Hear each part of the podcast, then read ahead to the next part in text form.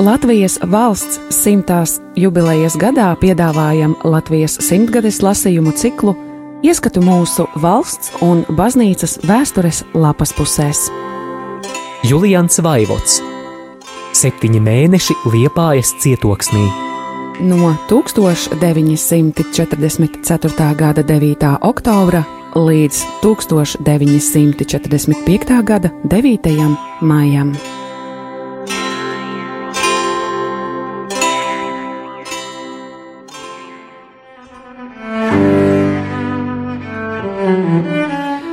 Tūkstoš 945. gada 7. februārī Man pašam jau apnika katru dienu rakstīt par prozaiskām lietām un gribētos kaut ko no augstāko jūtu pasaules atzīmēt. Bet par ko lai rakstu? Iesākšu ar piezīmi, ka šodien divu jaunu cilvēku laimē uzliku kroni, to salauzāju.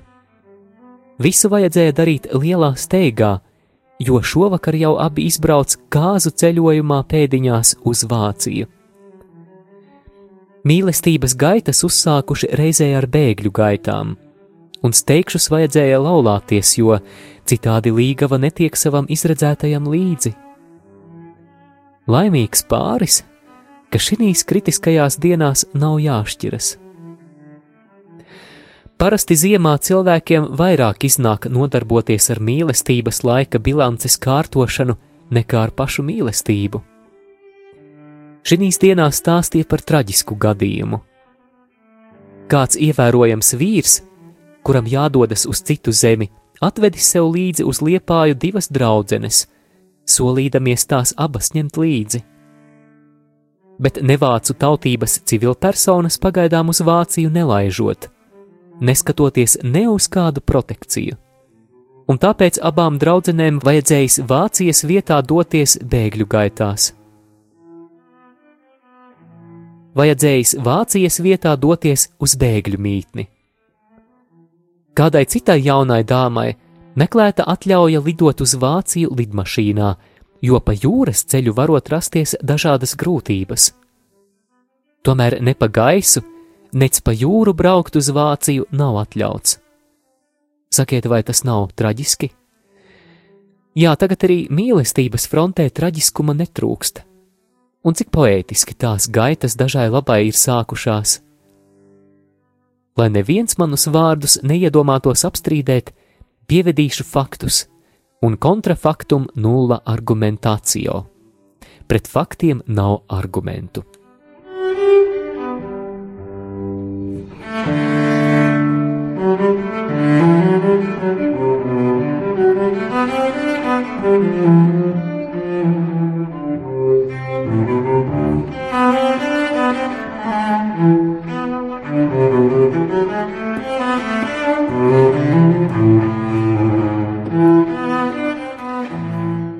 Vasaras pirmajā pusē gāju uz jūru cauri apstādījumiem. Uz soliņa sēž jauns pārītis, viņi runā vāciski, bet viņa tikai vēl mācās vāciski. Kommen, bekommen, ein kuss bekommen, nākt saņemt, skūpstu saņemt, saka skolotājs un praktiski rāda, ko tas nozīmē. Tagad minētā jaunkundze jau labi runā vāciski un nu pat var ziņot savam skolotājam, ja tas vēl ir pie dzīvības, ka hat ein kind bekommen, ir bērnu dabūjusi. Citu reizi tanīs pašos apstādījumos vai mēms paliku no brīnumiem. Uz sola sēž kāda jauna kundze, kura tikai pirms gada bija apprecējusies ar tādu pašu jaunu brašu puisi, bet viņai blakus vēl jaunāks cilvēks uniformā, un sasēdušies tā, kā arī ūdens cauri netecētu. Mani ieraudzījusi kundze noslēpās aiz kavaliera muguras, bet patiesībā jau par vēlu, lai es viņu nepazītu. Bet man jau tur maza daļa. Neiešu es viņas vīram to atstāstīt.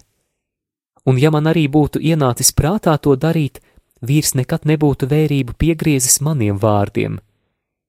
Tāda ticība bija par savas jaunās sieviņas uzticību. Tomēr izrādās, ka man vajadzēja riskēt un laikus vīru brīdināt. Jau vēlu rudenī kādreiz satiku šo laulāto pāri uz ielas trietā. sieva ar uniformēto iet blakus un sarunājas svešā valodā. Bet vīrs, iedams iepakaļ sievai draud, kad tu maita pārnāksi mājās, es tevi atejas vietā iespundēšu. Dažs varbūt teiks, ka tas nevar būt patiesība, ka vīrs tik mierīgi izturētos, redzot sievas neusticību. Bet sakiet, ko lai viņš dara, ja pretinieks stiprāks par viņu? Ir bijuši, liekas, vīrus vēl uztraucošāki gadījumi, un arī tad tie nav varējuši nekā padarīt. Piemēram, man jau pirms diviem gadiem rādot uz jaunu dāmu, kuru katru rītu gar manu māju pavadīja darbā kāds stalts vācietis, stāstīja, ka viņai esot arī vīrs. Bet laulātajam pārim mājās tikai viena gulta, un tāpēc trietā tanī neguļot. Un ko vīrs? Viņš nekā cita nedarot, vai pareizāk nevarot izdarīt, kā tik pats sev pa naktīm graužot nagus, tāpēc visi pirksti esot asiņaini. Šis jau nu sevišķi traģisks gadījums, kurš uz debesīm sauc pēc atriebības. Bet cik tādu puslīdz pēdiņās godīgu drāmu, kad sieva vienkārši atstāja vīru un aiziet citam līdzi. Daža gan vēl drusku iežēlojas arī par vīru, un aiziedama atstāja viņam vismaz vienu, divus bērniņus, lai būtu piemiņa no vairāku gadu kopdzīves. Lūk, tādas reizēm ir poētiskās mīlestības gaitas kara laikā. Sākas ar sievas noderīgu nodarbošanos, svešas valodas mācīšanos un beidzas ar vīra nagu graušanu. Un bērniņi pa to laiku dzimst, un agrāk dzimušie raud pēc mātes. Tūkstoš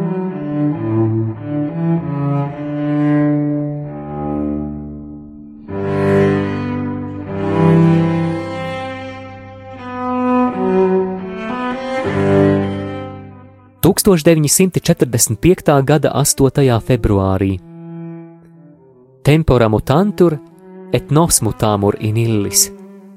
Laiki mainās, un mēs līdz ar viņiem teica senie romieši, ar to apliecinādami, ka ne laiks, ne cilvēki nestāv uz vietas, bet pastāvīgi traucas uz priekšu un reizē arī mainās. Šai maiņai padoti arī cilvēku likteņi un viņu sociālais stāvoklis. Pēdējais sevišķi svārstīgs ir kara un dažādu politisku apsvērumu laikā. Piemēram, Visiem mums atmiņā Latvijas laiku lepnie policisti savās gaiši pelēkajās uniformās. Ar sevišķu stingrību viņi uzstājās pret sētniekiem, ja iela vai ietne neatbilda likumā rakstītiem noteikumiem, un tas bija labi, jo mūsu pilsētu un miestu ielās tīrība bija priekšzīmīga. Ejot šodien pa ielu, uzmetu acis kādai strādnieku grupai, kuri lauza kūstošo ledu un krāva čupā. Tavu brīnumu vairākums senajās policistu uniformās, tikai bez senās elegances, jo drēbes jau stipri novalkātas. Tie, kuri agrāk citus šī darbā uzraudzīja, šodien paši citu uzraudzīti strādā to pašu darbu. Izrādās, ka tie ir mazdūšīgie, kuriem kritiskajos brīžos pietrūcis drosmes palikt savā postenī, un šodien viņi savu vainu izpērk darbā. Karš drošsirdību ir izvirzījis kā lielāko tikumu ne tikai karaspēkā, kur tā jau sniedzas varonības kalngalos, bet drošsirdību prasa arī no civilajiem, nemaz jau nerunājot par policijas darbiniekiem. Daudzi fabriku un citu iestāžu darbinieki, momentos, kad pilsētā dzīve bija sevišķi apdraudēta, laidās uz laukiem, domādami, ka katrs var doties, kur uzskata sev par drošāku vietu. Bet vai tiem, kuri pēc uzaicinājuma savās darba vietās neatgriežas? Daži sevi vēlāk legalizēja, izbraukdami uz Vāciju, kur iesaistījās jaunā darbā, bet palikušie šodien savu mastūšību rūkti nožēlo. No brīva un godā celta strādnieka tie ir pārvērtušies cietumniekos, vai vismaz piespiedu darba darītājos.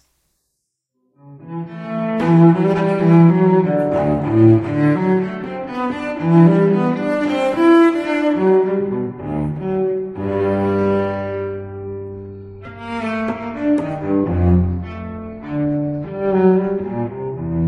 Cik stingri ir šī ziņā kara laika likumi, var liecināt pēdējā laika piemēri, par kādiem ziņo laikraksti.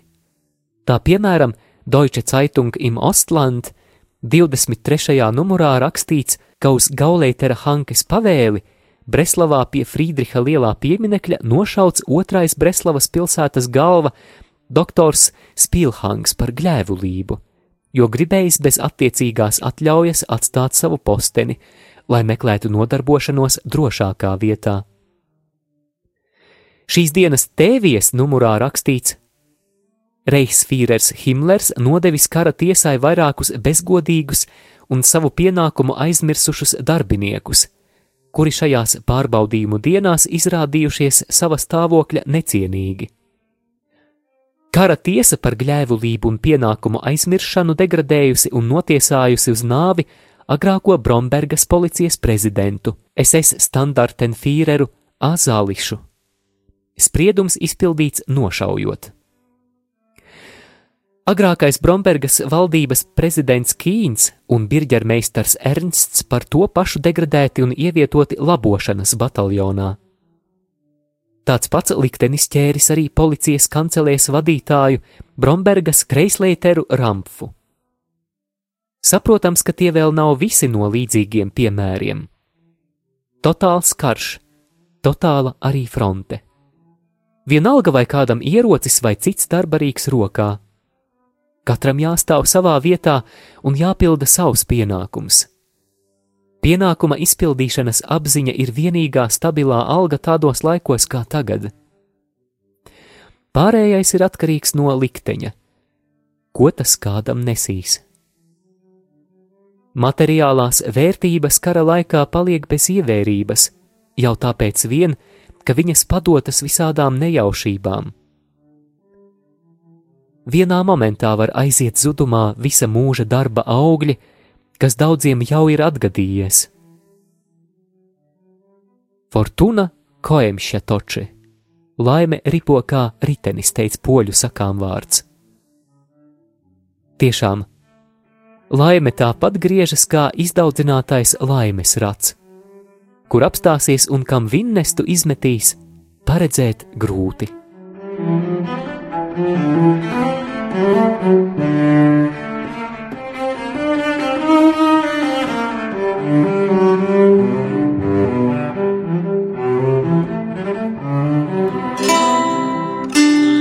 Radio Marija Latvija ēterā Latvijas simtgadēji veltīti lasījumi. Julians Vaivots Septiņi mēneši Liepājas cietoksnī. No 1944. gada 9. oktobra līdz 1945. gada 9. maijam.